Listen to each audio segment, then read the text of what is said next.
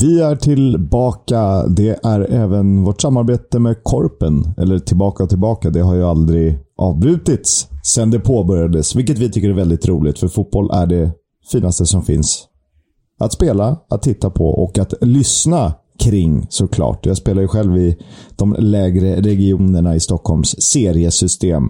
Men det gör inte du Leo, för du är ju en trogen korp. Mm, jag är en eh, trogen korplirare som vi varit inne på tidigare. Det är ju 18 raka år. Eh, blir det ju, eller det är till och med inne på 19 året går vi in på nu. Och delar man det på raka säsonger i Stockholms och Täbykorpen så blir väl det 36 raka ute slash innesäsonger minus pandemin. Så 35 raka säsonger då. Ehm, jag vet inte om det finns någon, säger jag lite självgott här, som har lika många raka säsonger i Stockholms och Täbykorpen. Gör det så får ni gärna höra av er till eh, oss här på podden, för det är kul information för oss och för vår samarbetspartner Korpen. Kanske kan bli någon inofficiellt eh, pris. Inget utlovat där dock. Men, men eh, det är ju något rekord som är värt att nämna förstås. Och med det sagt så är ju innesäsongen har ju tagit slut på de flesta ställen i, i, i Sverige, i Sverige eller är inne på sina sista matcher just nu och därför är det ju dags att anmäla sig till den annalkande utesäsongen. Mitt kära lag Sjökrickan har precis anmält sig till utesäsongen i norrort och vi rekommenderar er att göra samma sak och gärna med lite roliga klubbnamn. Det tjatar vi ju alltid om i denna podd. Barnsley, Strump-Leicester, Jason Bournemouth. Vi hade nog mer som var riktigt roligt tycker jag också. ja. Och som sagt, fortsätt skicka in roliga namn till oss. Vi vill ju gärna exemplifiera med fler. Så uh, anmäl er till Korpen, spela fotboll, skicka in roliga, fåniga namn med engelsk koppling så kommer de att nämnas här. Adressen är väl korpen.se fotboll, va? Korrekt, det stämmer. Härligt. Då tycker jag att vi eh, rundar av det introt och så går vi på veckans avsnitt.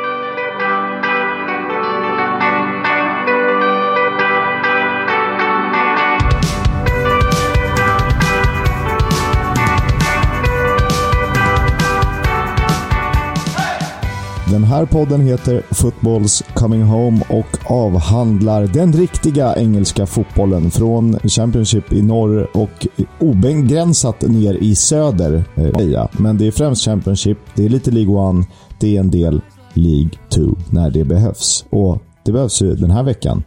Men eh, först, eh, Oskar Kisk heter jag och är ju er ciceron i eten och med mig har jag såklart Leonard Jägerskiöld Velander, allt mer övertygad om att Darbys öde är beseglat. Så är det ju. Eh, poddens Johnson Clark Harris. ja, fan. Ja, tack. Varsågod. Eh, ska vi göra så att vi dyker rakt in i det som har hänt. Och för en gångs skull är det ju relativt få matcher att avhandla. Vilket eh, å ena sidan är ganska bekvämt, men å andra sidan är ganska tråkigt. Ja, men det är ju, det är ju dubbeltandat det där. Man vill ju se och ta del av så mycket som möjligt, men sen blir det ju extremt långa poddavsnitt när vi då har 24 matcher att gå igenom. Så att det bara är 8-9 stycken idag. Det kanske gör så att man hinner lyssna på det här medan man tar sin kvällsjogg eller diskar eller sitter på morgontoa eller vad man nu gör när man lyssnar på vår podcast om The Championship. Exakt, när man mäter Bristol-skalor och liknande. ja. Och och vi har ju ett, ett väldigt spännande segment i, i klubben den här veckan. Eh, ni som lyssnade på förra veckan vet ju att vi ska ner i söder och grotta. Mm. Men en alldeles speciell klubb. Mm, det är ju dags för Pompey Chimes, eh, som vi ska berätta mer om lite senare. Portsmouth alltså. Och dessutom ska ju du och jag faktiskt simulera återstoden av säsongen. Hur slutar tabellen egentligen? Exakt, det blir väldigt spännande. Men först dyker vi in i en av de två tidiga lördagsmatcherna. För de var väl två om jag inte missminner mig. Det var Derby mot Coventry. Den slutade 1-1. Du såg eh, den här matchen va? Mm, jag såg den här matchen och eh, jag vet inte om det här är bra eller dåligt föräldraskap, men jag såg den med min snart treårige son Stig. Eh, och eh, det var liksom första gången han orkade att sitta och titta på åtminstone en hel halvlek. Och han fick ju ta del av bägge, eh, nej han fick ta del av Darbys mål, för Coventrys mål kom ju i, i eh, första halvlek. Och han jublade som tusan, jag fick honom att heja på Darby. Och Kisk, jag vet inte om det är bra eller dåligt föräldraskap. Jag liksom erbjuder honom den här äkta, ärliga fotbollen, det råa supporterskapet. Men jag är också på väg att bjuda in honom i ett fotbollsliv av lidande. För Darby är ju inte som att hålla på, ja, jag vet inte, Manchester City eller Liverpool. Eh, nej, Liverpool-sekten kommer säkert tycka att du har fel, för de har haft några hemska år i, i mitten av Premier League, typ. Eh, så det är synd om de stackarna. eh, men jag, jag brukar ju ha på lite skärmar här och var och då får jag alltid frågan, pappa, vilka lag är det som spelar? Vilka har den färgen och vilka är du på i matchen? Och det kan ju skifta eh, mm. beroende på läge. Eh, men vi har ju våra små favoriter. Eh, tillbaka till Derby Coventry. Där ju Victor Gyökeres började på bänken. Eh, så han var ju inte involverad i det otroligt läckra 1-0 målet för Coventry. Nej, men det är ju faktiskt ett fantastiskt eh, eh, lagmål. Eh, Coventry tar ju ledningen genom Matty Godden efter nästan en halvtimme spelad. Där det är ett liksom klapp-klapp-spel, för att prata hockey. Ett tillslag. De går mellan tre spelare innan eh, eh O'Hare och Godden väggas fram. Alltså det är Godden som väggas fram av O'Hare och eh, Captain Godden med avslutet förbi Ryan Alsop. Det avslutet är kanske inte estetiskt fulländat för Alsop kanske borde ta det, men själva klapp-klappspelet är Ja, men det är fenomenalt. Det är ju tiki-taka fast i Coventry-version. Otroligt läckert. Ja, men det är jättesnyggt. Och det är nickar och det är eh, chippar och eh, allt vad det heter. Um, alltså, borde nog varit där. Det som var lite synd för Gyökeres, det var ju att uh, Coventrys nya talisman, riktigt så är det inte, för att han är ju kapten, Matty Godden. Men det är ju han som ser ut att kunna sno den interna guldskon i alla fall. Gyökeres kom ju in och då gjorde Darby mål. Ja, det ska ju sägas här att när Coventry tog ledningen var det lite ologiskt. För då hade Darby legat på och pressat och haft faktiskt ett par bra chanser. Och sen då kommer Gyökeres in eh, i andra halvlek som du säger och Darby eh, tilldelas en straff. Tom Lawrence faller ganska rätt och sätter straffen själv. Men det var också ologiskt för då hade Coventry legat på eh, och bränt ett par lägen. Och de fortsatte ju bränna lägen efter Lawrence hejdundrande bra straff. Framförallt Gyökeres som bränner ju två Eh, eh, lägen, varav ett ja, friläge som han skjuter rakt på Ryan Alsop. Så det svängde och krängde den här matchen. Kanske rättvist att det slutade oavgjort.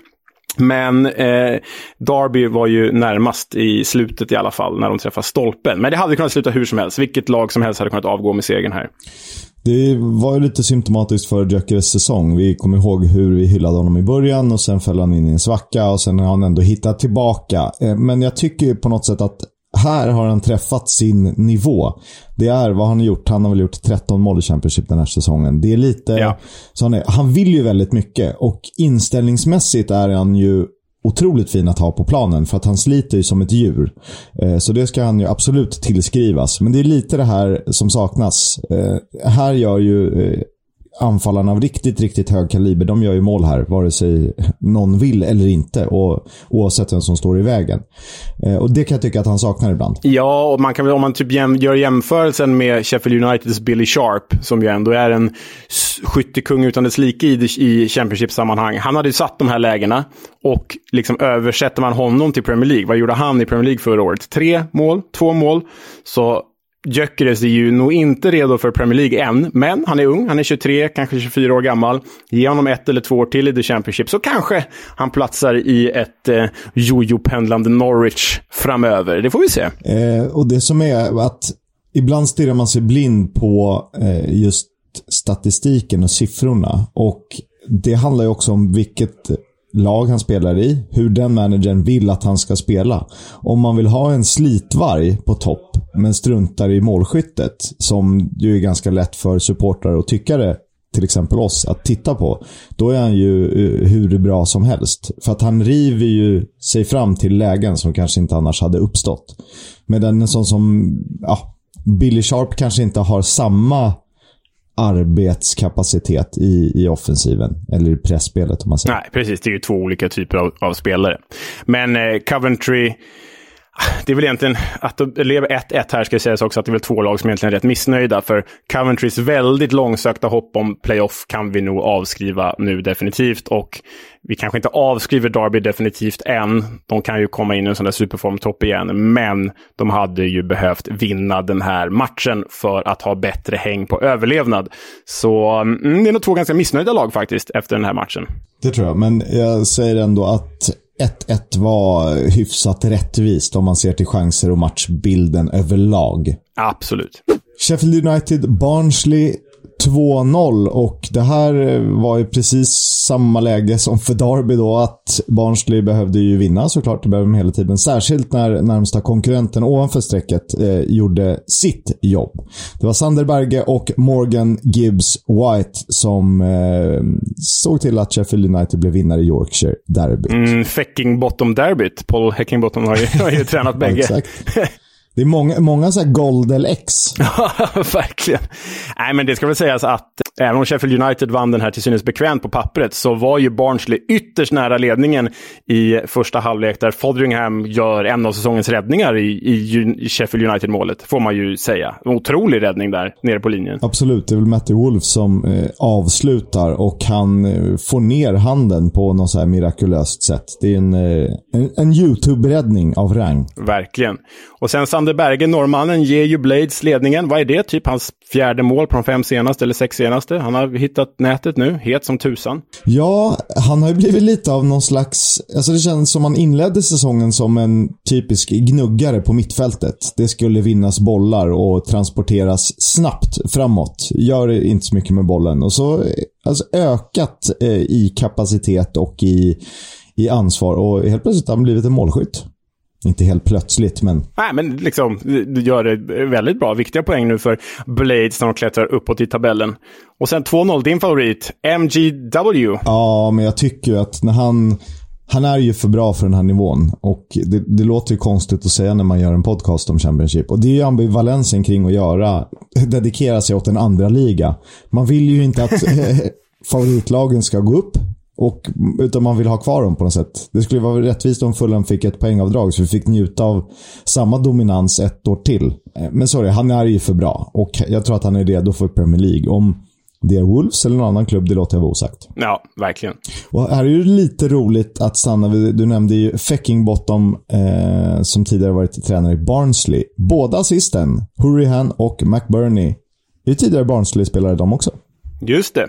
Eh, det är det ju faktiskt, det stämmer. McBurney som inte gör mål längre, men som bevisligen kan spela fram. Eh, ja, det, det behöver ju plockas poäng nu här framöver från bägge de här lagen. Men känslan är väl att Sheffield United, vi återkommer ju till vår simulering av säsongen, men känslan är ju att Sheffield United verkligen är på rätt väg och att Barnsley kanske kan skaka Reading, men eh, de behöver ju ta mer poäng, helt klart. De har gjort det okej, okay, främst då på hemmaplan på sistone när de har liksom fått lite liv i det där. Men det, det här var deras 14 förlust på 19 bortamatcher. Deras rad då är det en vinst, fyra oavgjorda, 14 förluster. Det är ju sämst i ligan. Även om de har... Eh, Peterborough har typ två segrar, två oavgjorda på bortaplan. Och en match mer. Men det är ju... Ja, pest eller kolera sådär. Så det är ju... Ja. Eh, någonting som måste förbättras drastiskt oavsett om det är Championship eller League One. Bristol City, West Brom 2-2 där eh, hemmalaget fick en tuff smäll redan i sjätte minuten när Antoine Semenyo, som Leo har pratat sig varm om i den här podden, även jag, eh, han klev ut skadad och in kom Naki Wells, så det kanske inte var så dåligt ändå. Nej, för Naki Wells stötte ju in ledningsmålet för The Robins.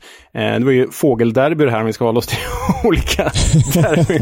Det var ju rödhakarna mot trastarna. Robins. Kry krystade derbyn. det finns inget att älska mer ändå. Nej, verkligen. Fågelderby.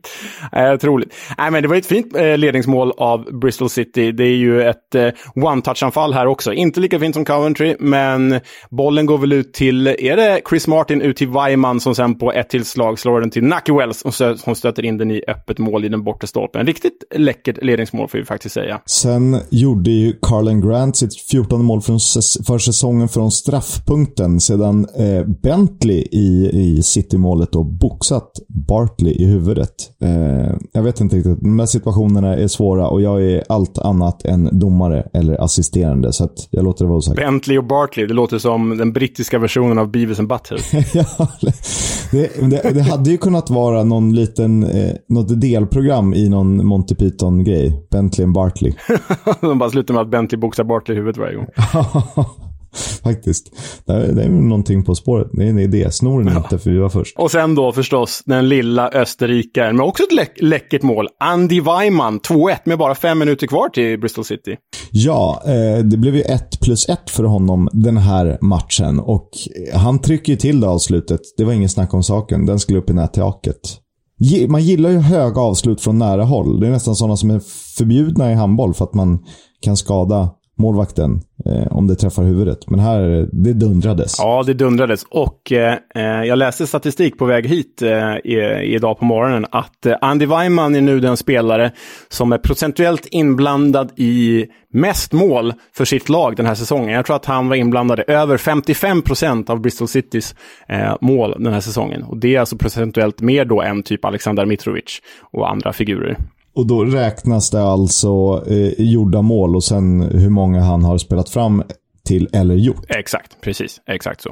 Och jag råkar veta att han har gjort 18 mål och han har spelat fram till 9. Då har vi 27 av 49 mål för Bristol City. Mm. Det är inte så dåligt. Nej, det är verkligen inte illa pinkat. Och det ska ju sägas här, vi har varit inne på det många gånger, men Bristol City ligger och sladdar där på nedre halvan och kommer ju inte bli ett, bättre än ett lag på nedre halvan. Men i underhållningsvärde så skulle jag nog ha dem i en topp 6 den här säsongen. Det är ju förbaskat roligt att se dem spela fotboll. Ja, men det är några lag vi har liksom sågat redan på förhand, eller åtminstone jag, eh, som man kanske hade lite dålig koll på, eller lite sämre koll på. Bristol City, PNI, Blackpool bland andra. Men de gör det inte så här jättedåligt. PNI intressanta att titta på. Blackpool har ju sina stunder. Tänk Blackpool två poäng bakom West Brom. Ja, det är exakt. Det är lite skillnad i... Med en match mindre spelare. Ja, lite skillnad i förutsättningar där. Men eh, hur är du, West Brom visade ju upp moral igen. De hämtade ju upp 0-2 mot Huddersfield för någon vecka sedan och nu hämtar de alltså upp två underlägen i den här matchen. 0-1 till 1-1 och 1-2 till 2-2. Adam Reach i, med matchens sista spark. Fint anfall dock, ska tilläggas. Eh, tyvärr för West Brom så kommer inte en poäng att räcka särskilt långt. För att det är ju alltid... De har ju 1, 2, 3, 4, 5, 6, 7, 8, 9 lag framför sig. Om vi räknar från Luton på plats 3 eh, och ner att slåss mot. Och då, eh, det är alltid två andra lag som kommer ta fler än en poäng. Exakt. Men vet du vad jag tänker med West Brom på sikt? Jag tänker att de kommer bli nästa säsongs Bournemouth. Bournemouth var ju en av superfavoriterna att gå upp förra året. Gjorde det inte, men kunde istället byggas om lite, mobilisera sig och kommer bli en av de två som flyttas upp direkt eftersom att de ändå hade väldigt bra förutsättningar att gå upp även i år. Jag tänker att West Brom, med den truppen de har, med den ekonomin de har, med Steve Bruce som ändå är upp, uppflyttningsmästare, så tror jag att de kan göra samma resa som Bournemouth gör nu. Missa uppflyttning i år och sen kanske till och med bli en av de två direktuppflyttare nästa år. Jag tror att det är en eh, ganska klok analys. Om nu, eh, sen vet jag inte om Steve Bruce blir, klar, eh, blir kvar i klubben. Han har ju förvisso 18 månaders kontrakt från i, när var det då? Januari. Men eh, sånt går ju att ändra ganska snabbt i fotbollen. Det vet vi. Ja, och du, om vi ändå ska eh, tillåta oss vara lite humoristiska eh, här. Adam Reach, jag vet inte, han kanske har den här ramsan redan, men borde någon inte göra om den här gamla 90-tals smörislåten som de sjunger typ Out of reach, too far. De borde göra den till Adam Reach. Vet du vilken låt jag menar? Det är typ eh, Leanne Rimes eller någon sån där person som har gjort en Oj. sån låt. Eh, det, det ringer ju en klocka, men nu ska vi se. Gabrielle. Gabrielle är det, just det. Från 99. Gabrielle från 99. Uh, Den är från Bridget Jones. Ja, Bridget Jones Diary, precis. Den låten borde man ju göra om en, till en Adam Reach-ramsa. du tycker Adam Reach, So far, I never had your heart. Ja, det är perfekt. Vi kan väl ändra lite där också. Eh, Om det inte vore för lite så här stimrättigheter och så, så skulle vi nog klippa in den här originallåten nu. Men det gör vi alltså inte, så ni får youtuba den själva. Out of Reach med Gabrielle. Vi eh, föreslår Adam Reach-låten där alltså. Den, det är kanske vi som sätter ramsorna. Eh, det går ju att tagga olika West Brom-konton. Och du var ju inne på Bournemouth, eh, som ju alltmer ser ut som ett lag för Premier League nästa säsong. De besegrade Huddersfield på bortaplan 3-0 och det, eh, det är bara att lyfta på hatten.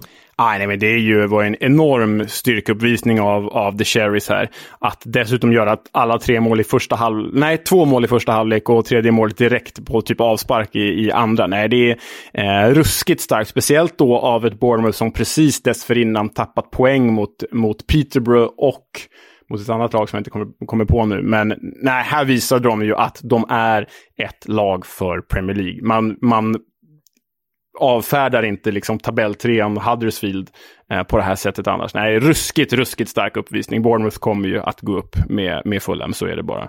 Så när som på något eh, hyfsat Danny Ward-avslut så var det ju Bournemouth eh, som hade dominansen i stora delar av matchen. De hade både bollinnehav och skott på mål och eh, Dominic Solanke får väl tillskrivas någon form av man of the match.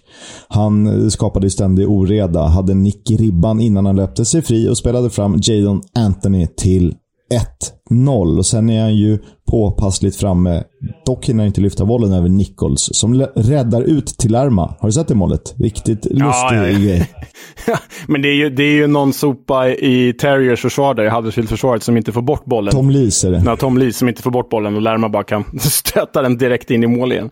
Nej, synd, synd om Nichols. Där, Det var det. Och eh, 3-0 fick Solanke göra själv eh, ganska tidigt in i andra halvlek när framspelad av Phil Billing eh, fick han klacka in den. Snyggt. Ja, jättesnyggt. Och om det inte vore för Alexander Mitrovic så hade man nog pratat om Solanke som möjlig rekordmålskytt i The Championship den här säsongen. För det är ju inte otänkbart att han skulle göra mer än Ivan Tonys 31 som var rekord från förra säsongen då. Ehm, men nu finns ju Mitrovic här och då blir, hamnar ju Solanke i den gode serbens pizzaskugga. Han gör ju det. Dominic Solanke tvåa i skytteligan, tvåa i poängligan. Andy Weimann är trea i poängligan. Eh, det har vi knappt närma oss tidigare. FA-cupen inkluderad, då hade Huddersfield ett kryss och tre förluster på de fyra senaste. Precis när vi började prata upp dem som bäst och mest underhållande. Ja, men dåligt läge eh, att hamna i det här. För det är nu liksom man jobbar in formen inför, inför playoffet. Och skulle det fortsätta så här illa så kan ju Huddersfield faktiskt rasa ur playoffplatserna också. Men det ska ju sägas att Hogg, deras backbjässe, var ju borta i den här matchen och han var borta i matchen dessförinnan när man förlorade med 2-0. Eh, så de har ju haft lite spelare som har saknats. Och nu kommer ju landslagsuppehållet här förhoppningsvis eh, eh, lägligt för, för Huddersfield att de hinner eh, jobba om sig, att Hogg kan komma tillbaka i startelvan. Och så har de, har jag för mig, ganska lätt match efter landslagsuppehållet. Jag tror att det är Hall. Eh, så där finns det ju läge för dem att studsa tillbaka. Men sen tror jag att de har tre raka svinsvåra matcher. Jag tror att det är Middlesbrough, Luton och en till toppkandidater. Eh, så det känns ju som att den trion matcher kan bli extremt avgörande för, för Huddersfields playoff-ambitioner. Eh, exakt så är det. Eh, tufft läge och de har ju haft rätt mycket flyt på vägen. Eh, jag säger inte att de inte har förtjänat sin tur. Eh, men det kan ju vara så att tur också vänder. Eh, och att de där eh, stolpe in lätt blir stolpe ut. Eh, för att vara övertydlig. Till det mest imponerande av resor, eh, både den här säsongen och liksom senaste decenniet, det är ju Luton som slog Hull med 3-1. Och det innebär att Luton är trea i Championship. Aha, nej, men det, är ju, det är ju otroligt. Det här är alltså då samma Luton som spelade National League för tio år sedan. Ja, exakt. Alltså det, det, det, det är ju fullkomligt sanslös, omöjlig resa. Och har ju i år en av de minsta budgeterna, eh, eh, en av de minsta budgeterna i hela ligan.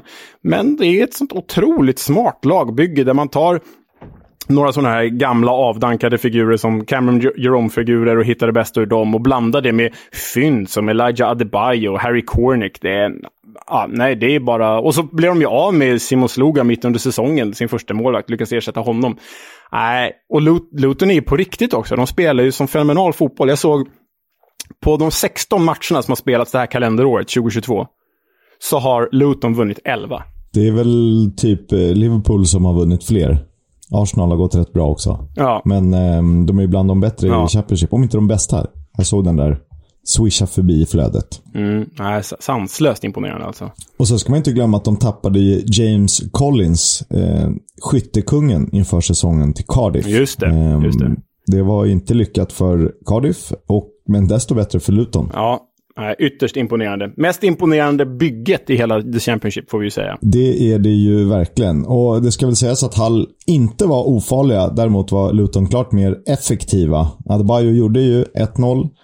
Eh, spelade fram till tvåan, gjordes av Harry Cornick. En personlig favorit. En Championship-version av Jack Grealish ser han ut som. Låga strumpor, eh, slickad bena med liksom den här rakade fejden under. Ja, och Grealish fick ju sitt genombrott i The Championship när han var där med Villa, så ja, vem vet vad framtiden ligger för den gode Harry Cornick. Exakt, men 3-0 målet, frisparken, James Bree. Eh, herregud vilken träff. Ja, men du vet, den är ju så här, om man får placera en frispark var man vill, då sätter man ju den där han la den nu. Alltså precis i krysset, men att den touchar ribban så att den dundrar rätt ner på mållinjen och in. Ja, det, det är helt otagbart. Det, det, det, går inte att placera den bättre. Nej, en 90-tals frispark säger jag. Ja, så lyfter in den. En Eric Rinalda-frispark, en sån båge är det. Eh, men eh, James Bree, vet du vad som var kul med det här? Det här var ju dels hans första mål för säsongen, men hans blott andra mål i karriären. Och då undrar man ju, hur kan han inte göra fler mål när han sitter på sådana här frisparkar? Ja, det är en väldigt bra fråga. Han kanske har försökt 50 gånger och alla har dragit eh, åt höger och vänster. Han är ju högerback, så det är inte så konstigt att man inte gör så mycket mål. Nej, sant. Luton-managern Nathan Jones eh, sa ju efter matchen, jag har hållit på med fotboll i 32 år och det här är den bästa grupp jag någonsin jobbat med. Inte de mest talangfulla, men definitivt den bästa, tajtaste, hårdast arbetande och ödmjukaste. Eh, och det verkar ju stämma rätt bra. Tom Eves fick ju in ett tröstmål. Eh, det kom i 90 Det var alldeles för sent. Femte raka hemmaförlusten för Hull. Eh, men jag tror inte de kommer tappa 13 poäng mot Barnsley. Så att vi kan nog räkna bort dem från det där. Så är det. De klarar sig. De klarar sig kvar. Eh, det kanske Reading gör, särskilt i och med att de slog Blackburn med 1-0. Mm. Och eh, Reading hade ju mängder med chanser i första halvlek. Lucas Joao hade någon vändning där och avslut på halvvolley och så. Men de gjorde inte mål eftersom att den gode belgaren Kaminski stod i vägen. Men du har skrivit här i papperna säga att eh, eh, Blackburn hade ju ett sånt fenomenalt läge ändå genom Gallagher. Eh, men han lyckades inte heller göra mål. Men det ska ju sägas att även om Gallagher kanske hade det bästa läget innan nollan eh, spräcktes så var det här ju faktiskt Reddings match. Ja, eh, åtminstone första halvlek. Eh, de har ju ett helt otroligt anfall som borde varit 1-0. Och så ändrades matchbilden till andra och det är den chansen du beskriver där. Det är Bradley Dack som får det första läget, borde absolut gjort mål. Sen jag vet inte vad Sam Gallagher gör. Han missar bollen slash snubblar över den. Eh, och Det känns ju väldigt onödigt i det läget. Borde absolut blivit mål. Kan ju vara så att eh, om vi pratar flyt och tur och, och bra form och känsla och sådär så eh, har ju inte Blackburn det just nu. Likt de hade tidigare på säsongen. Nej, de gör ju, de gör ju inga mål utan Ben Bradson Diaz. Det, det, det är för tunt, det är för trubbigt och eh, den här härliga eh, liksom andan och optimismen de hade runt vintern där när de klättrade upp till tredje plats i tabellen, det, det finns ju inte längre. Det känns ju det känns ganska hopplöst varje gång Rovers spelar numera, tyvärr. Det här var deras tionde mållösa match sedan mitten av januari. Blott fem mål på 13 matcher. Ja, det är, med sånt facit så trillar man ur playoff-platserna. Det är ju känslan. Men hylla den som hyllas bör Josh Laurent QPR-produkten som får bollen i ett fint läge och helt otroligt behärskat curlar in den i bortre krysset. Det är ett väldigt, väldigt vackert avslut. Ja, ja. Nej, men det är ju... Det var som jag hörde någon, någon eh, i någon klubbpodd jag lyssnade på som sa att hade liksom Mohamed Salah gjort det där målet, då hade det vevats i veckor i Premier League. Men nu för att det är The Championship så försvinner det i, i liksom gyttret på sociala medier. Då säger vi kolla in Josh Lawrence segermål mot Blackburn. Absolut inte omgångens eller helgens stora skräll, men ändå en, ett överraskande 2-0 för Stoke hemma mot Millwall. Det var ju verkligen en formvändning. Ja, och om vi ska ha eh, långsökta derbyn så var det här Gary Rowett-derbyt. Millwall-tränare som tidigare misslyckats i Stoke.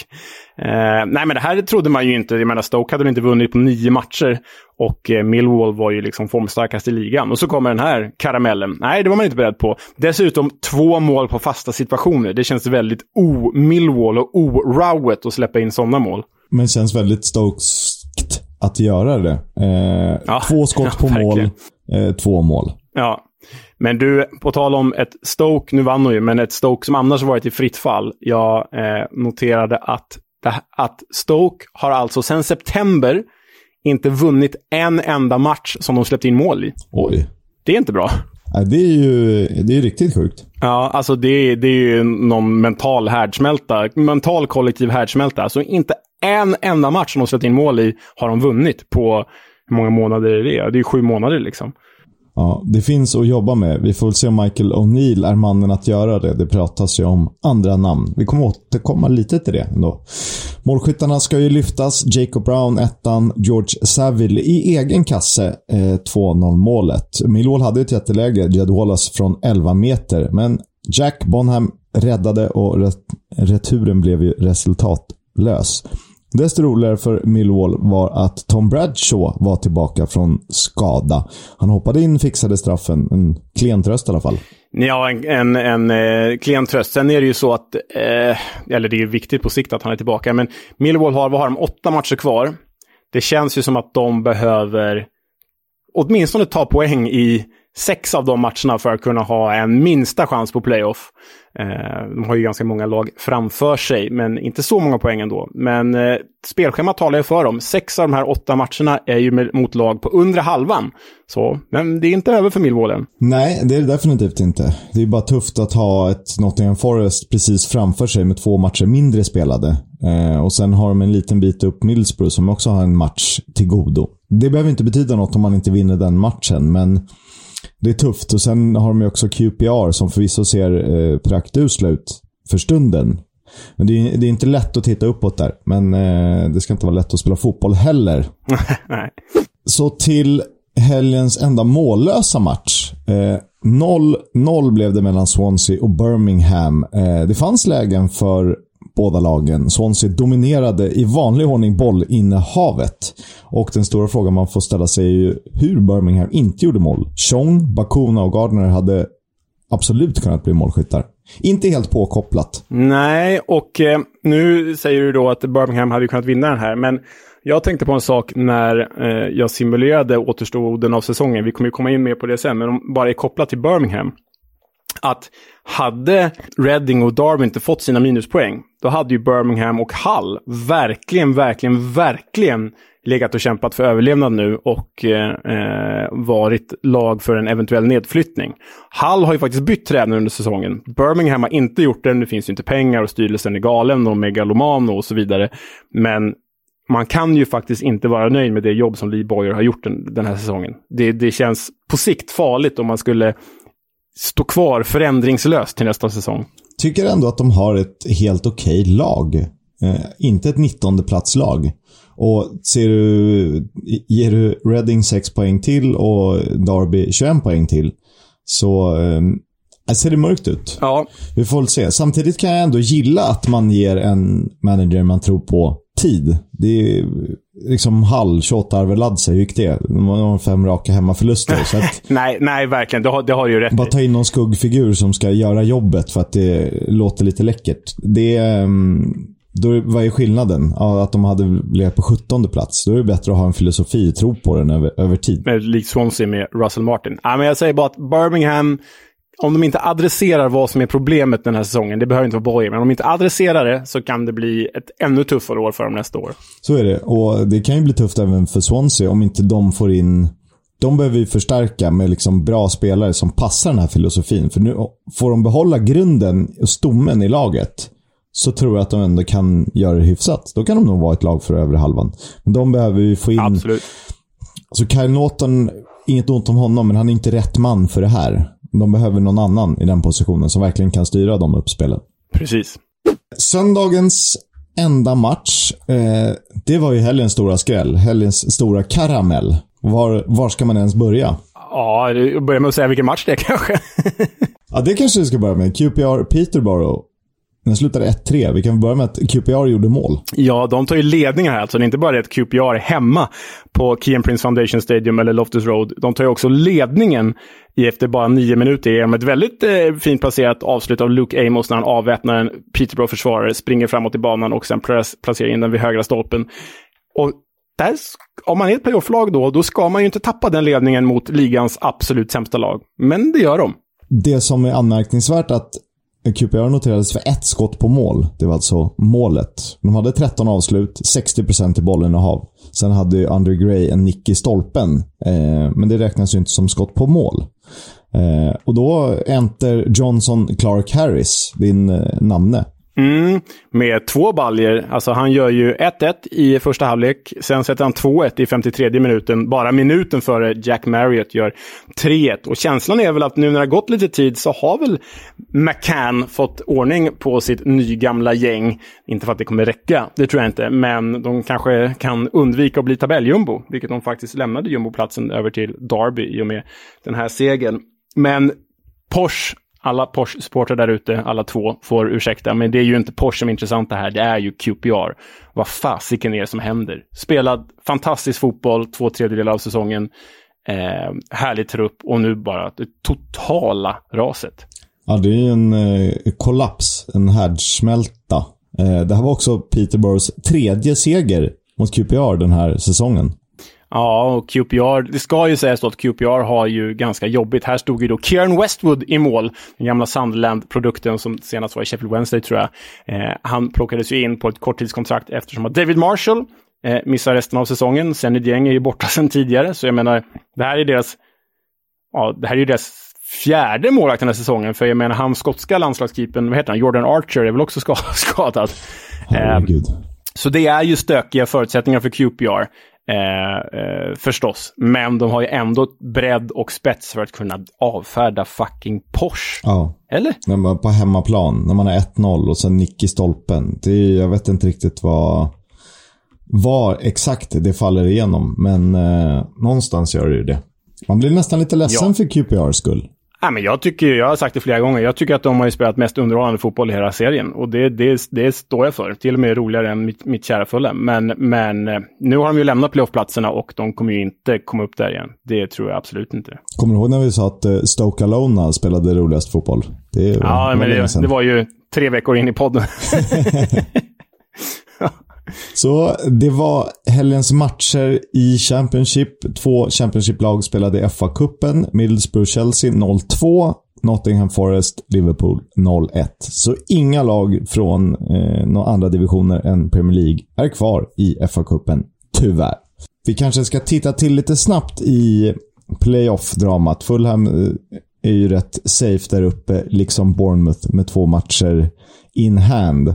Sen har vi Luton 3, Huddersfield 4, Sheffield United 5 och Blackburn 6 som det står sig just nu.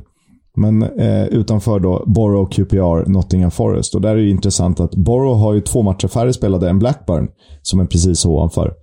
De kan ju bli viktiga. Liksom Nottingham Forest har ju bara spelat 36, alltså tre mindre än Blackburn på den sista playoff-platsen. Ja, ja, ni hittar ju tabellen. Det ska ju sägas där också att från Millwall på tionde plats till Luton på tredje plats skiljer bara sex poäng. Eh, och från Millwall på tionde plats då upp till Blackburn på sjätte plats, sista playoffplatsen, så skiljer det bara fyra poäng. Så det är ju tätt. Och man kan ju faktiskt eh, lägga till en extra poäng på Nottingham Forest, för de har ju ganska överlägset bäst målskillnad av alla lag från plats tre till ja, plats tre och neråt egentligen. Så Nottingham Forest har plus 18, näst bäst är Luton med plus 14. Så Forest har ju lite till godo där. Det har de definitivt. I botten så tog ju Reading tre viktiga poäng gentemot Barnsley som är precis under strecket. Det skiljer fem poäng. De har lika många spelade. Eh, och det skiljer ju sju poäng från Reading till Porsche som är näst jumbo. Och nu är Derby sist och det ska mycket till. Och jag tror att de är avsågade. Tyvärr. Tyvärr. Have you not been watching? I haven't.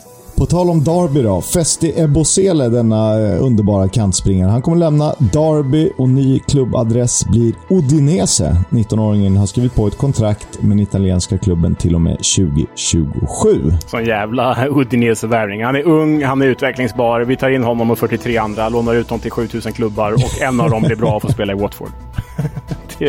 ja. och sen får, men han är väl lite skadad så han får försöka hitta formen igen i Granada. Ja, ja precis så. Nej, men vi gillar ju Festia Bosele. Synd att han lämnar Derby bara. Sen, eh, Stoke, än så länge är ju O'Neill tränare, men uppges ha två drömnamn som manager till nästa säsong. Snart kontraktslöse Tony Mowbray, Blackburns tränare, och Wayne Rooney. Även West Brom sägs ha siktet inställt på Tony Mowbray. Um, ja, det behöver ju, nu har han gjort det väldigt bra med Blackburn här på sistone, men det behöver ju inte vara något fantastiskt faktiskt. Han tränade väl West Brom när de spelade i Premier League där, typ 2004-2005. Uh, ehm, med typ så Horsefield och gubbarna. Ah, ja, skitsamma. Det, det om det. Det blir intressant att se för att i nuläget är ju båda klubbarna ett steg neråt tabellmässigt. Men han kanske känner att han inte får tillräckligt med utrymme i Blackburn och eh, mandat och ekonomi att varva sina spelare. Och då vill göra det i Stoke. Eller West Brom till exempel. West Brom är inte helt dumt. Chris Willock blir borta resten av säsongen för QPR med en ljumskskada som tvingar dem kliva av mot Forest. Eh, säsongen är över även för David Marshall som Leo var inne på. Och eh, vi har varit inne på Chris Willock då precis nu även en skada i Sheffield United. Billy Sharp har problem med ljumsken och ska testa senare i veckan. Han kommer ju dock att återkomma till spel innan säsongen är avslutad till skillnad från den gode Chris Willock.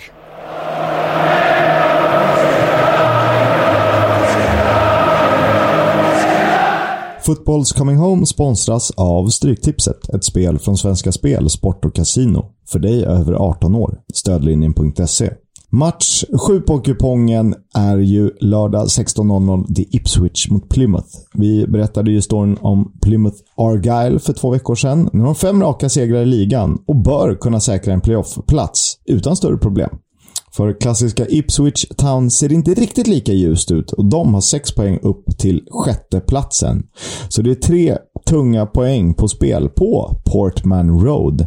Och Leo, vad vad blickar du fram emot till helgen utan Championship? Men det blir ju League One förstås. Och det är inte så många matcher igång, men om du har fokus på den som väl jag också kommer snegla på förstås, så har jag också valt att lyfta Sheffield Wednesday mot Cheltenham. Och det är inte Cheltenham som kittlar här. Det är Wednesday som faktiskt hittat formen här på andra halvan av säsongen och eh, de har ju faktiskt bara en poäng upp till Sunderland som ligger på sista playoffplatsen.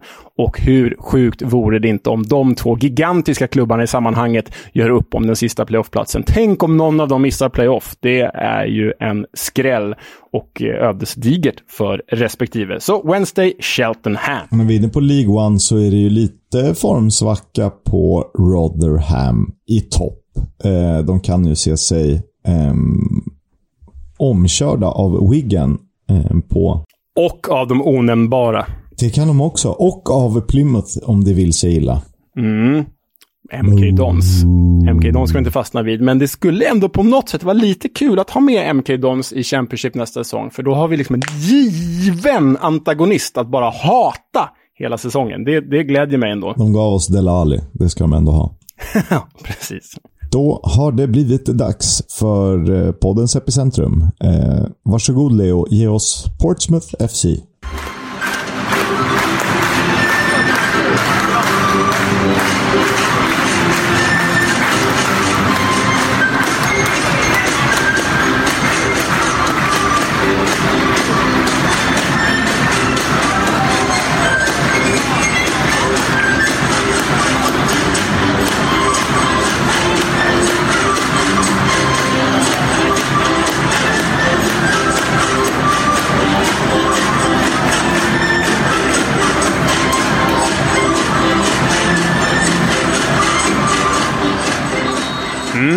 Där hörde ni Portsmouth FCs klassiska men absolut inte särskilt taggande inmarschlåt.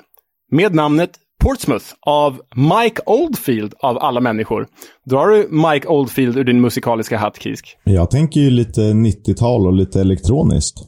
Mm, ja men det är det ju. Och det är den här eh, Moonlight Shadow har han, väl, har han väl gjort va? Just och då det. inte Cat Stevens Moonlight Shadow utan den här eh, The last ever you saw him carried away by a moonlight shadow. Bra, jag ska inte förstöra er öron mer än så. Men det är den Mike Oldfield alltså. Han har gjort en låt som heter Portsmouth som de använder vid inmarscher. Men även om Pompey använde den här dängan så är klubben faktiskt än mer förknippad med Pompey Chimes. En låt, eller en ramsa snarare, som aspirerar på att vara den äldsta ännu använda fotbollsramsan i världen.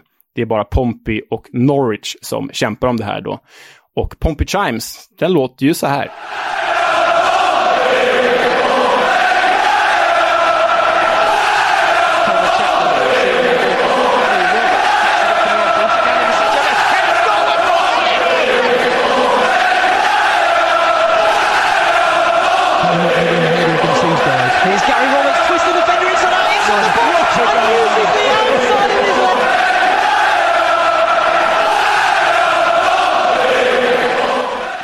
Play Up Pompey, Pompey Play Up. The Pompey Chimes har sitt ursprung på 1800-talet och hette egentligen The Town Hall Chimes. Den skapades av supportrar till Royal Artillery in Portsmouth Football Club. Ett militärt regemente i Portsmouth som hade ett lokalt fotbollslag framåt slutet av 1800-talet. Och när Portsmouth FC grundades 1898 tog de helt enkelt över den här ramsan. Och en rolig detalj är att när Pompey spelade hemmamatch under sina inledande år så använde domaren intilliggande klocktorn, alltså eh, klocktornet i Portsmouth Town Hall, för att avgöra när matcherna tog slut. Klocktornet ringde nämligen denna melodi 16.00 på helgerna och det var just då som matcherna skulle ta slut. Och faktum är att Pompey Chimes ringer i klocktornet än idag.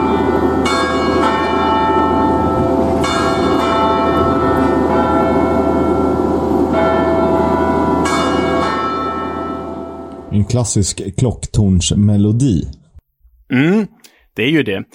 Och eh, det speciella med det här avsnittet, eller det speciella med Portsmouth, eh, jag tänker att vi ska ge bakgrunden kring staden när vi kommer in på klubben, men det speciella med Portsmouth, som vi får anledning att återkomma till, det är ju kopplingar man kan göra till situationen med Chelsea idag och Roman Abramovic oligarkin. För Pompey var ju liksom, inte den första, men en av de första klubbarna med utländskt ägande där miljontals miljoner pumpades in. Och dessutom en klubb som drabbades utav sin ägare på ett negativt sätt, likt Abramovic och Chelsea nu då. Eh, bland annat med, med vapenhandel också, och så vidare. Men vi kommer till det. Jag tycker bara att det är liksom spännande att lägga upp de förutsättningarna här och nu. För Pompey är aktuellt på det sättet. Staden Portsmouth då. Mm, det är en hamnstad med cirka 240 000 invånare på den engelska sydkusten. Englands näst mest frekventerade hamn efter Dover. Och eh, Portsmouth, eller Pompey som staden också kallas, har en lång militär historia. Den försvarade kungadömet redan på 1500-talet mot eh, invaderande fransmän. Och var under 1800-talet världens tyngst försvarade stad, alltså hade liksom mest försvarat. Jag vet inte, jag är dåligt bevandrad inom militära eh, uttryck och, ord, men de hade tyngst försvar i världen helt enkelt. Jobbigast att eh, försöka inta. Ja, men verkligen så. Och var faktiskt även ett tag den mest industrialiserade staden i världen. Detta då världens första massproduktionsband, eller lina, du vet sånt här löpande band på, på ett fabriksgolv. Det första upprättades i Portsmouth. Eh, och då ledde man ju den industriella revolutionen. Portsmouths militära hamn är den största och viktigaste för Storbritannien och här återfinns två tredjedelar av den brittiska flottan. De har dessutom en stark författarhistoria i staden då Charles Dickens är född här. Sir Arthur Conan Doyle skrev Sherlock Holmes här och Rudyard Kipling växte upp här efter att han hade lämnat Indien. Så det finns ju många författare eh, kopplade till den här stan. Det gillar man ju. Kultur är viktigt. Så är det. Men om vi tar en bakgrund kring klubben så eh, ja, skulle man göra helt ordentligt hade vi behövt liksom två When We Were Kings-avsnitt på oss.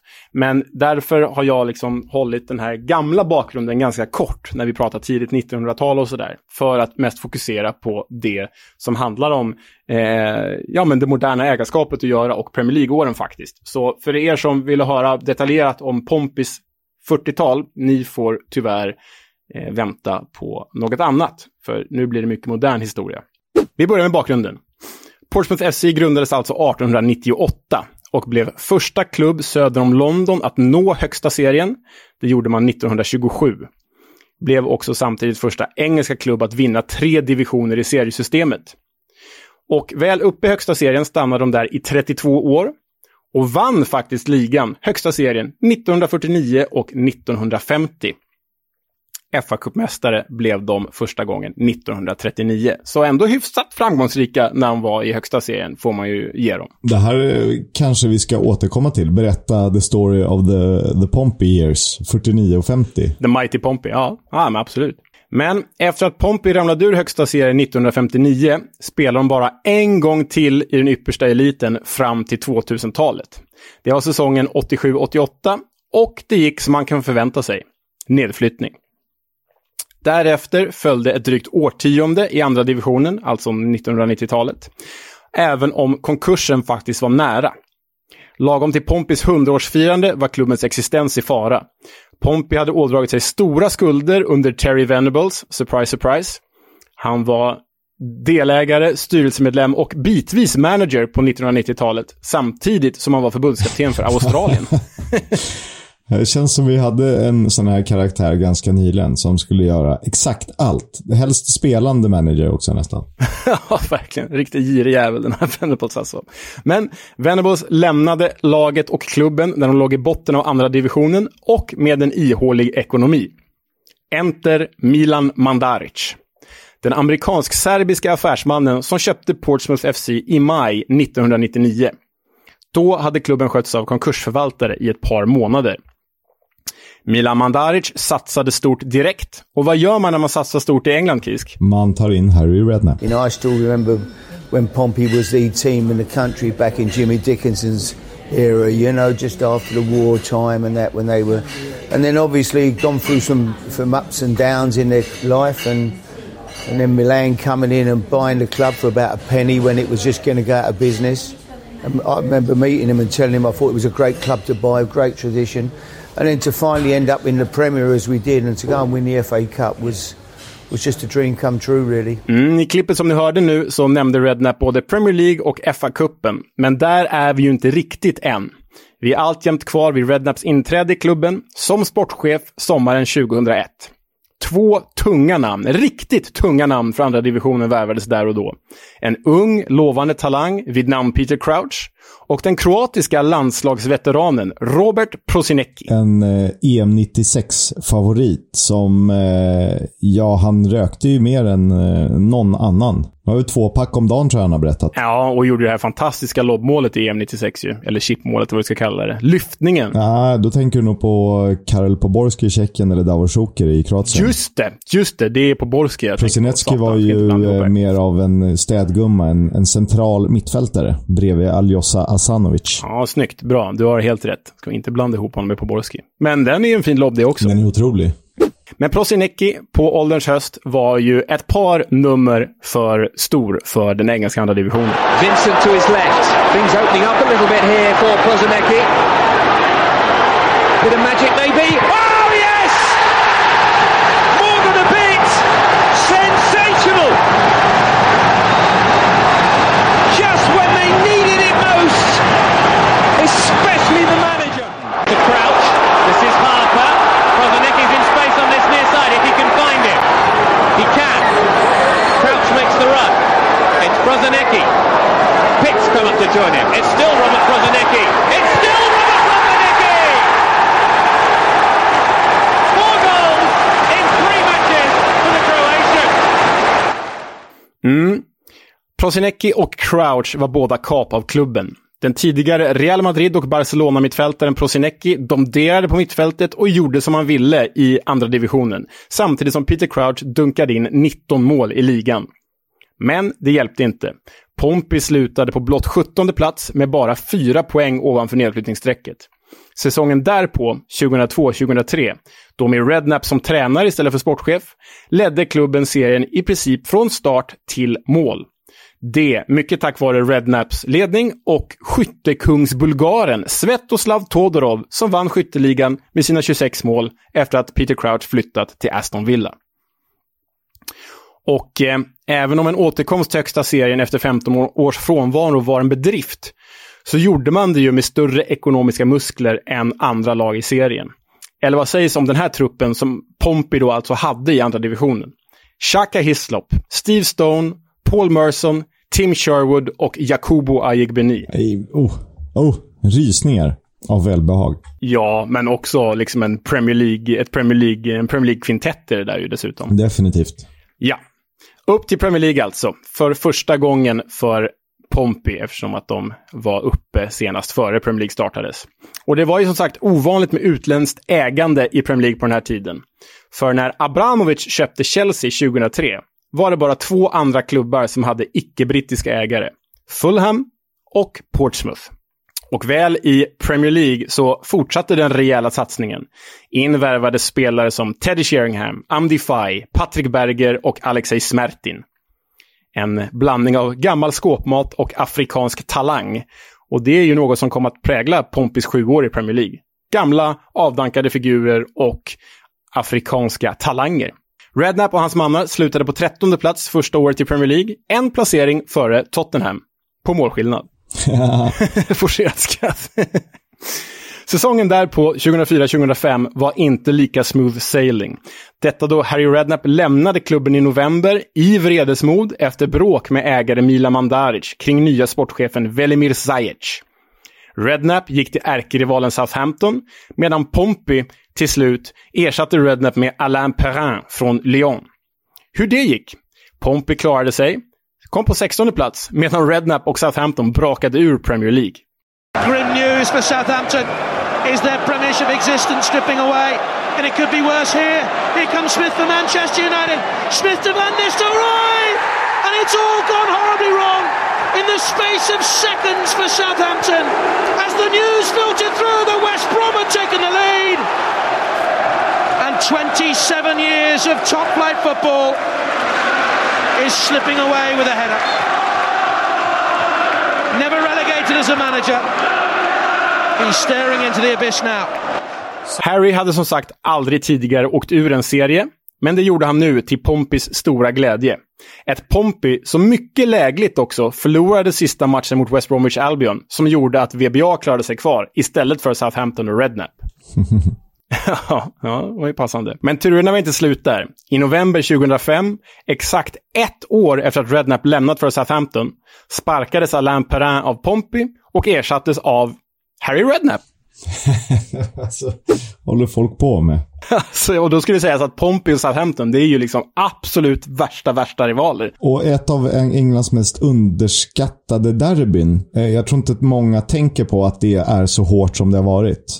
Typ eh, dödsfall och liknande. Okej, om vi då ska fastna vid lite eh, derbysnack, så är det ju faktiskt så att eh, det här derbyt heter ju South Coast Derby. Och i i Portsmouth så kallar man ju eh, Southampton-bor och supportrar för scummers, eller scum, alltså avskum, avskummen. Men Southamptons kontring, den är riktigt sjuk faktiskt. Är du med på det här? Southampton eh, eh, kallas för skate av, av, nej, fan vi får ta om det här, förlåt, helvete.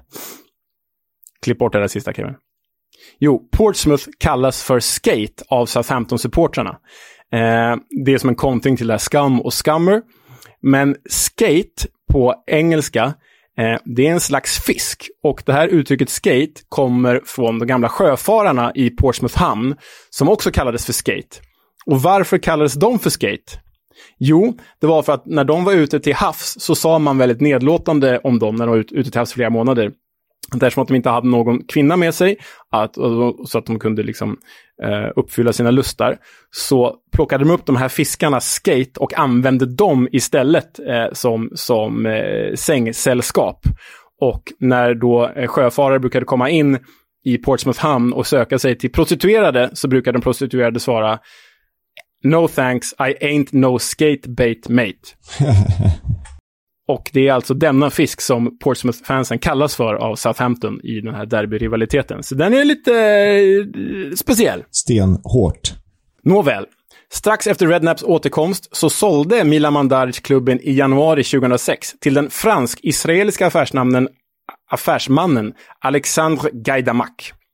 Något som innebar en ännu större satsning i Pompey. För i det januarifönstret kom nio värvningar för stora pengar.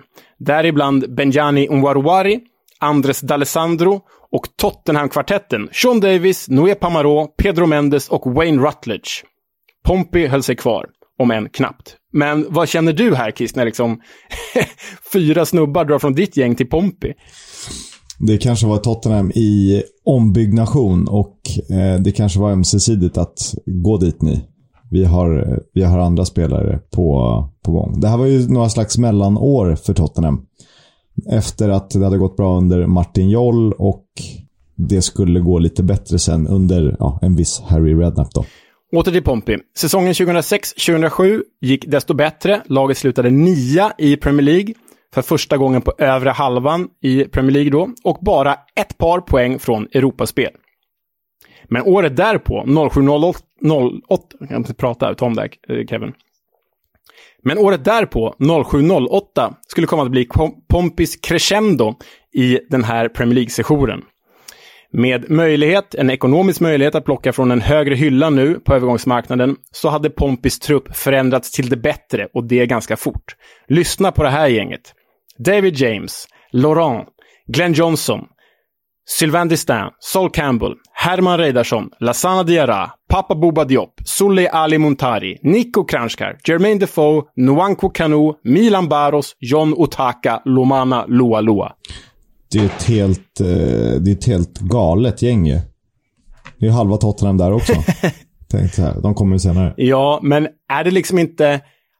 Man minns ju tillbaka på de här åren i Premier League, framförallt på Boltons trupp med Hierro och Kocha och, och, och de killarna, och Ivan Campos som är en fantastisk liksom, legoknäckstrupp. Och även lite Middlesbrough som vi varit inne på med Gaiska Mendieta, Bodvine Senden och, och det gänget. Men det här Pompey-gänget är ju i klar paritet med både Bolton och, och Middlesbrough skulle jag säga.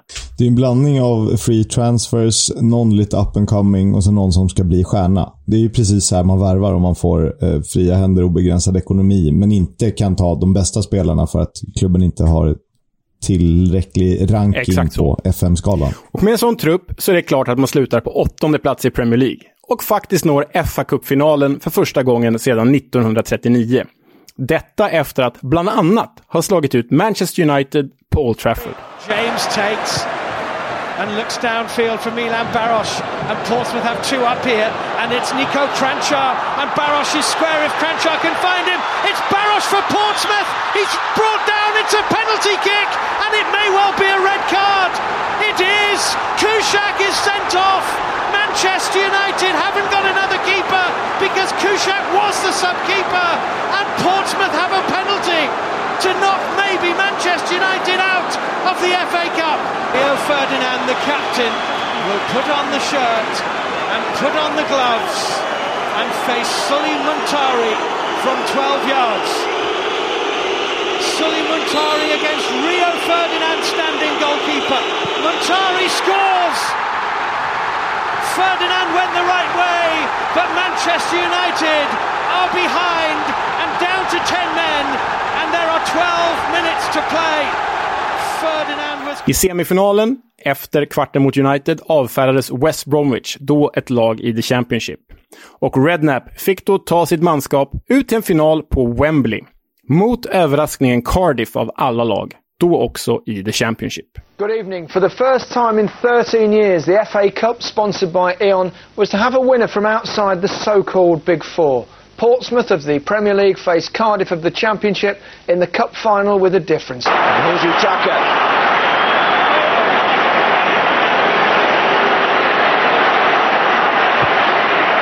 Oh, and, oh, and Carney's there. Is it given? And Cardiff and Portsmouth think they've taken the lead. Well, they have, haven't they? I mean, it's it's a brilliantly whipped in cross, and Enkerman again punches it away, but Carnu is so close, but fantastic reaction by Carnu. And Portsmouth have won the FA Cup for the first time since 1939, and Harry Redknapp has led them into Europe for the first time. Redknapp rules the waves in the naval town of Portsmouth. emotions are you experiencing? Uh, I don't know what to say for once. Uh, another hard game, a bit scrappy, but uh, deserved the win. Now, late in the game, you had to defend for your lives. Well, that's what we've done in just about every game this uh, this cup campaign. But the lads held tight. Uh, we've conceded one goal in the whole competition, and uh, we've been uh, we've been good. We've been good. I know you want to celebrate with your teammates, but a word about your manager. Well, Harry's, a legend now, isn't he? He's a legend. First win in uh, first cup in what 79 years. So uh, hats off from Rotten Segern i FA-cupen betyder att Pompey skulle få spela i Europa för första gången någonsin. Ett Uefa-cupgruppspel där Pompey bland andra mötte Milan. Matchen mot Milan slutade 2-2 på Fratton Park. Man möttes ju bara en gång i det här gruppspelet. Och är omnämnd som en av de största i klubbens historia. Man ledde ju faktiskt med 2-0 till och med, skulle det sägas. Men samtidigt som de här fina framgångarna skedde så genomled världen finanskrisen 2008. Och klubbägare Alexander Gaidamak klarade sig inte undan den ekonomiska kraschen.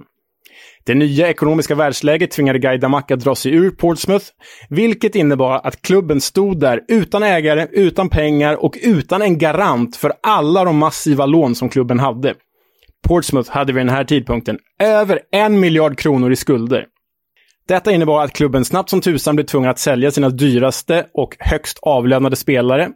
Soleali Montari gick till Inter, Jermaine Defoe gick till Tottenham och Lassana Diarra till Real Madrid. Ja, om jag inte, förlåt att jag avbryter, men om jag inte missminner mig så eh, hade ju de skulder till Tottenham och fick, Tottenham fick ju således tillbaka Kabul, de fick Defoe, eh, Kranchar, Redknapp och det kan ha varit någon mer. Crouch var det väl? Precis. Eh, det kommer ju kanske senare i och för sig, men eh, du kanske kommer in på det till och med. Ja, men det, du, du, drog, du drog det här. Det är ju, det är ju, i, Defoe ingår ju i skulderna till Tottenham. Sen går ju Redknapp lite senare till Spurs i liksom en egen affär. Eh, men precis, de hade ju skulder till Spurs som de betalade det tillbaka med spelare som hade varit, som de hade plockat från Spurs. Liksom. Exakt, så det var ju eh, dubbel förlust. De fick inte in några pengar och tappade stjärnglansen. Så medan de blev av med de här spelarna var de ju ändå samtidigt tvungna att hitta ersättare. Och ni hör ju på namnen, det är ganska stor skillnad. In kom då folk som Nadir Belhaj, Ben Sahar och Theofanis Gekas. Den sportsliga nedgången inleddes samtidigt som man då var historisk i Europaspelet. Därtill lämnade då Harry Redknapp för Tottenham under hösten 2009 och uttryckte tydligt att det inte fanns några pengar kvar. Gaidamak lyckades i alla fall, trodde han, sälja klubben 2009 till Suleiman Al-Fahim men hans förmögenhet godkändes inte av DFA, vilket innebar att han inte kunde köpa klubben utan istället behövde jaga stora lån. Det betydde i sin tur att spelarna och tränarna gick utan lön i flera månader och att DFA tvingade Al Fahim i sin tur att direkt överlåta klubben till en saudisk affärsman vid namn Ali Al Faraj. Faraj kunde dock inte heller rädda Pompey och istället för nya pengar sattes klubben återigen under förvaltning. Därmed fick de minus 9 poäng, vilket besegrade klubbens öde i Premier League våren 2010. Nedflyttning från Premier League. Redknapp hade ersatts av Tony Adams, som hade varit Redknapps ersättare, men han fick gå och ersattes då av Avram Grant. Men trots detta lyckades laget ändå ta sig till FA-cupfinalen våren 2010 mot Chelsea på Wembley där Pompey faktiskt hade en straff vid ställningen 0-0. The 129th FA Cup final sees Chelsea take on Portsmouth at Wembley. Chelsea hoping to complete a League and Cup double for the first time, whilst Pompey are looking to become the first team to be relegated and win the Cup in the same season. Here's Dindan, going to have a run at Balletti. It's Dindan brought down. Chris Foy says penalty. And what a chance for Portsmouth to take the lead. Clumsy challenge from Giuliano Belletti. Kevin Prince Boateng. Oh, saved by Czech easily. terrible penalty from Boateng. And is that Portsmouth's big moment gone? What a chance for them to take the lead. And it's been spurned by Boateng. He knows how costly that may well prove to be. Drogba again will be favourite to strike it, though Alex packs a powerful punch. It is Drogba, it's in! And wouldn't you just know it? Three minutes after Portsmouth miss a penalty, Chelsea go up the other end and score. And who else but Didier Drogba? Third FA Cup final goal for the Ivory Coast striker. Sixth time he's found the net at Wembley. He just loves it. Finalen, säsongen och sessionen slutade tråkigt för Pompey. Trots att det alltså bara skilde två år mellan fa Cup-finalerna var det bara David James som startade bägge final för Pompey. Resten av stjärnorna hade ju sålts. Var Kevin Prince Boateng med? Han var med. Det var han som brände straffen. Exakt, för att jag vill minnas att han var typ bäst på plan när de slog ut Tottenham. Kan det ha varit i semifinalen kanske? Mm. Ja, han, var ju, han var ju ljuset i, i uh, mörkret den här våren för, för Pompey, men så brände han straffen lite symptomatiskt. Eh, men det var ju, även om det bara slutade 1-0 till Chelsea, så var det ju faktiskt en final som, som Chelsea ägde. Jag tror att de hade fyra eller fem ribbträffar, eller träträffar ska sägas. Eh, men som sagt, Pompey hade ju läget då, vid 0-0.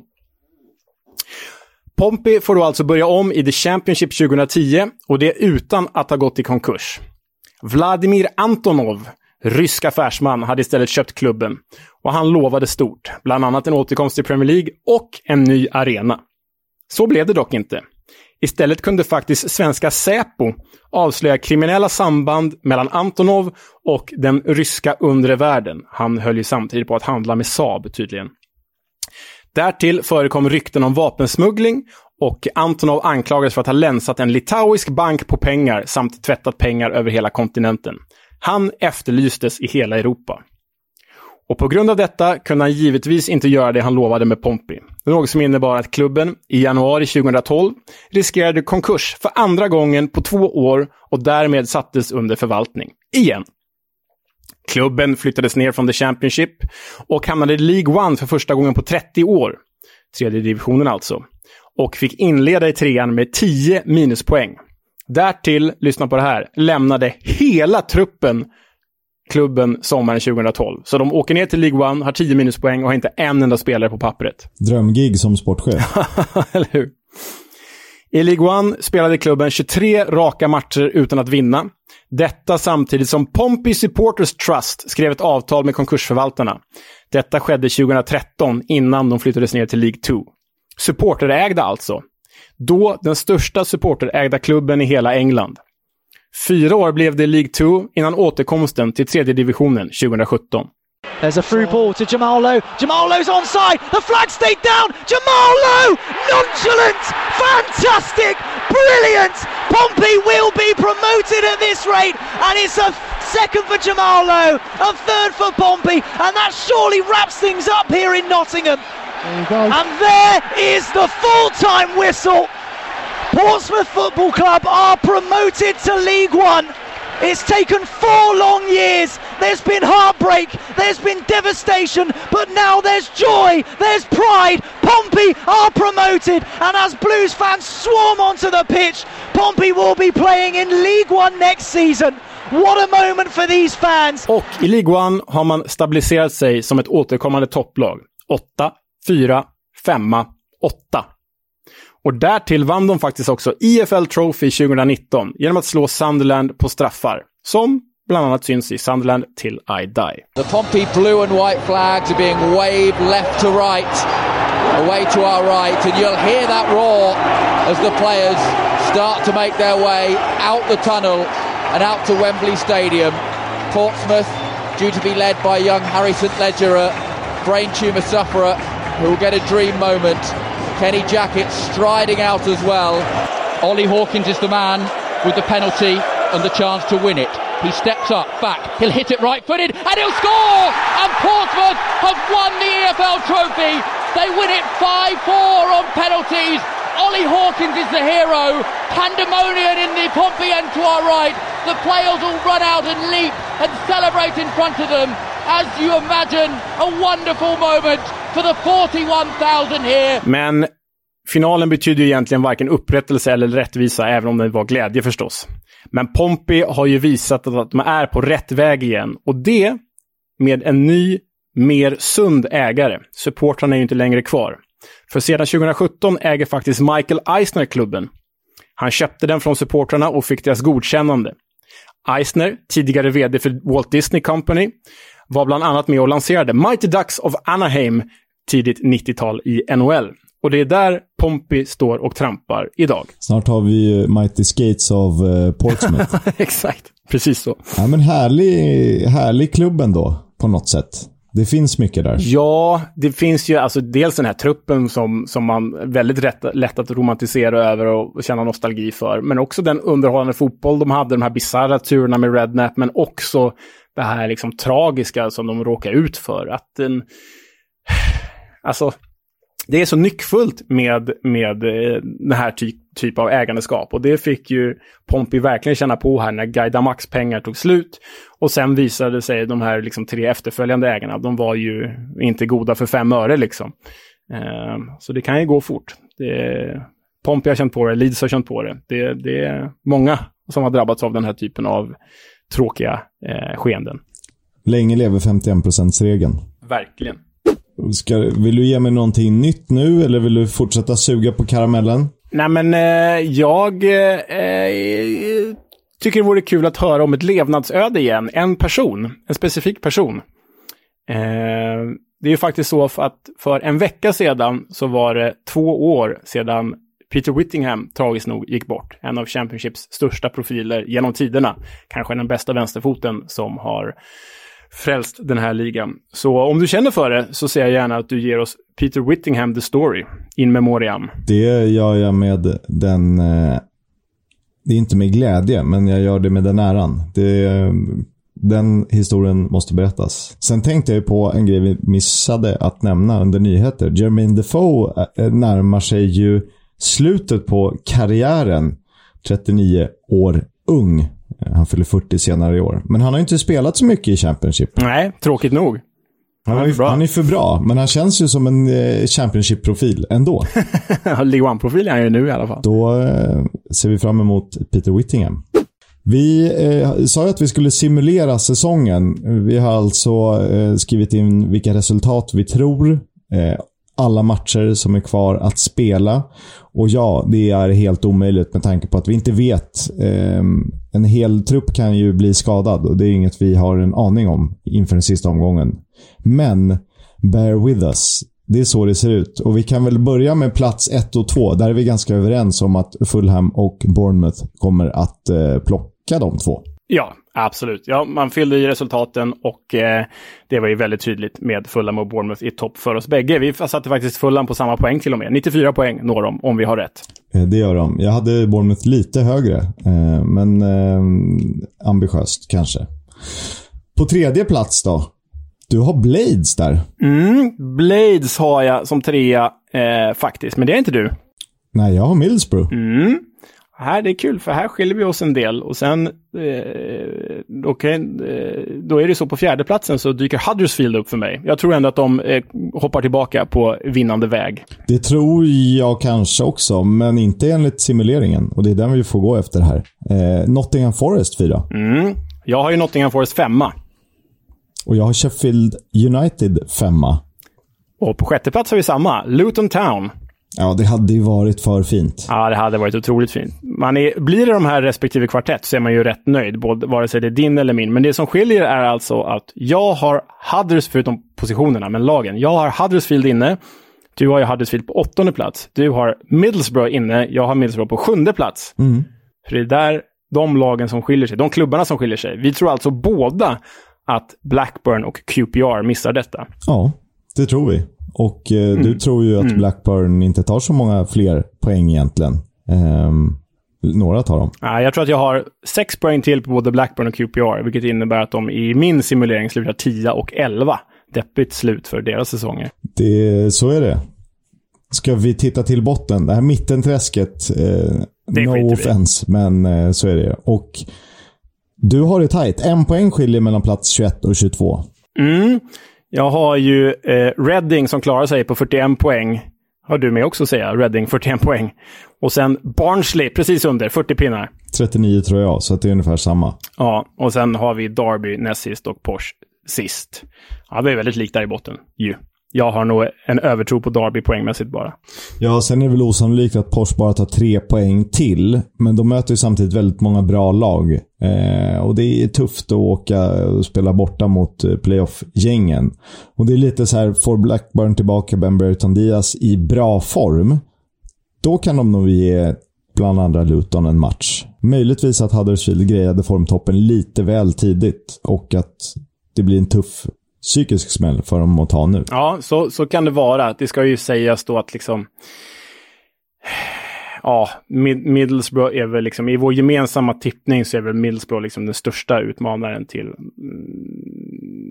alltså Middlesbrough får mer gemensam, får bättre gemensam plats och poäng i vår gemensamma tippning än Huddersfield får, ska det ju sägas. Ja, men spännande, vi får se om vi har rätt eller om vi har fel som vi brukar ha. Eh, det blir roligt oavsett. Um, lit, man hoppas ju verkligen att Luton klarar den här toppkvartetten alltså, för det är ju lite för tunga pjäser om det skulle bli Borough, Nottingham och Sheffield. Det är ju liksom favoriter allihopa. Ja, på något sätt ändå. Eh, men det var de ju inte ett par veckor in på säsongen. Jag tycker ändå att man har, med Nottingham ledda av Brennan Johnson offensivt och, och sen Borough gör det ju också väldigt bra. Ja. Ja, men det blir spännande. We'll have a chat about the fucking game. About your game, last few months, last few weeks. Fucking character. Neil Warnock, en snacksalig, eh, härlig manager som vi eh, saknar att få rapportera om vecka ut och vecka in. Det kanske, det här segmentet kanske byter namn till nästa säsong. Vem vet? Eh, om man inte är aktiv så... Ehm, man, det finns ju flera andra Warnocks också. Typ Steven Warnock och så. Men han satte sig ner och fiskade med Jimmy Bullard någonstans i England. Och då berättade han hur mycket pengar han har förlorat till böteskassan. You know, I mean, I've been fined over the over the years. How much do you think you've been fined over? Oh God! Put a figure on it. I slowed down a bit to... when Sharon said, "Right, from now on, you're giving me as much as you get fined." And I'm Who's gonna, that? Sharon. Mi- she Mrs. says, "If you get fined again now, you're giving me the same amount of money for me and kids." so I've calmed, I calmed down a bit after that. But I look at it, and um, I look at the FA. They have got their own people. Um, I think it's Malik. Is it Malik? I can't remember his name now. But they've got their own people looking at everything you say. Yeah. And I got fined. Uh, saying- even if you're not, surely it only counts if you're in mic or in front of someone. Surely you can say what you want. No, they, they take all the cutting. They look at all the press conferences. Do they And, really? yeah, they look at everything, and and they're frightened to death of some clubs. And, I, and this year, I was going to ring this guy up who's who's done me over the years to ask him because I got a, a, a newspaper column when Pep Guardiola Had to really criticised about the d- decisions. If that had been at Liverpool Yeah. or Man United, it would have gone the other way. Now, if I'd have said that, that would have cost me about twelve grand. Really? But he never got charged for that because they're frightened to death of doing people like that. Whereas you, you Neil Warnock, yeah, they'd do it every week, that one, if they could. That's a joke, though, isn't it? I know. Is that what winds you up? yeah, it does, uh. Yeah. it does, uh. So if any, they used to ask me to do referees' meetings, you know, How much do you think you've paid? I want a figure. What do you think? Fines only. If you had to- Bloody, it's got to be nearly quarter of a million, hasn't it? Really, no, it is it really? got to be something, hasn't it? I mean, they used to ask, they used to ask me to do, large. they used to ask me to do referees' societies talks. And in the end, they used to say, yeah, I'll do it, but I'll have to charge you to, to go towards me fines. Get some lolly back. Ah, that's classic. Ja, det är härligt att han är transparent med det här, att han, han är så öppen och ärlig med det. Men man är nästan lite förvånad. Har han inte förlorat mer än 250 000 pund? Nej, jag skojar. Det är ju helt sinnessjuka pengar. Det är ju en allsvensk klubbkassa liksom. Fan. Ja, men det, för att vara Neil Warnock, om man tänker vad han har sagt och gjort genom åren, så känns det ändå inte så mycket. Nej, men, nej, men det är ändå saftiga Hur länge har han varit eh, manager? I liksom 30-35 ja, ja, år. Ja, ja, ja, ja, mer. Och man får ju säkert, eh, han får ju säkert 50 000 pund lite här och var. Ja. Men eh, 2,5 miljoner hade man kunnat göra något roligare för. Så. Ja, verkligen. Skönt att tjäna de pengarna, så att det är kaffepengar. Man undrar ju hur- hur det där ser ut. Om det dimper ner en faktura på, på kontoret. Så här, Neil, nu har du fått eh, 30 000 pund här du ska prisa. och han kommer med säcken med växelpengar. Ja, okej. Bra med alla mynt. nej, nej. Han skriver ju 100% checkar eller cash. Ja, ja, det jobbas inga Nej, kreditkort. gud nej. Absolut inte. Hörrni, gott folk. Det var allt för den här veckan. Vi tackar Stryktipset. Vi tackar Korpen. Vi tackar Leo för att han eh, alltid är med på andra sidan. Vi tackar mig själv för att jag... vi tackar dig själv. Ja, det gör vi faktiskt. Vi tackar varandra. Eh, vi tackar framförallt er som lyssnar. Och eh, på sikt så kanske vi får chansen att åka till England tillsammans. Vi håller på och filar på en möjlig EFL-podden-resa. Eh, det var en liten teaser. Mer om det framgent, Mm. säger vi. Har du några slutord? Nej, inte mer än att det vore kul att resa tillsammans med våra kära lyssnare. Men som sagt, mer om det framöver. Exakt. På återhörande. Hej då! Upptäckta vägar, de han tar. När det regnar kallt och ibland när kampen leder ända fram. Då ses vi på lördag igen.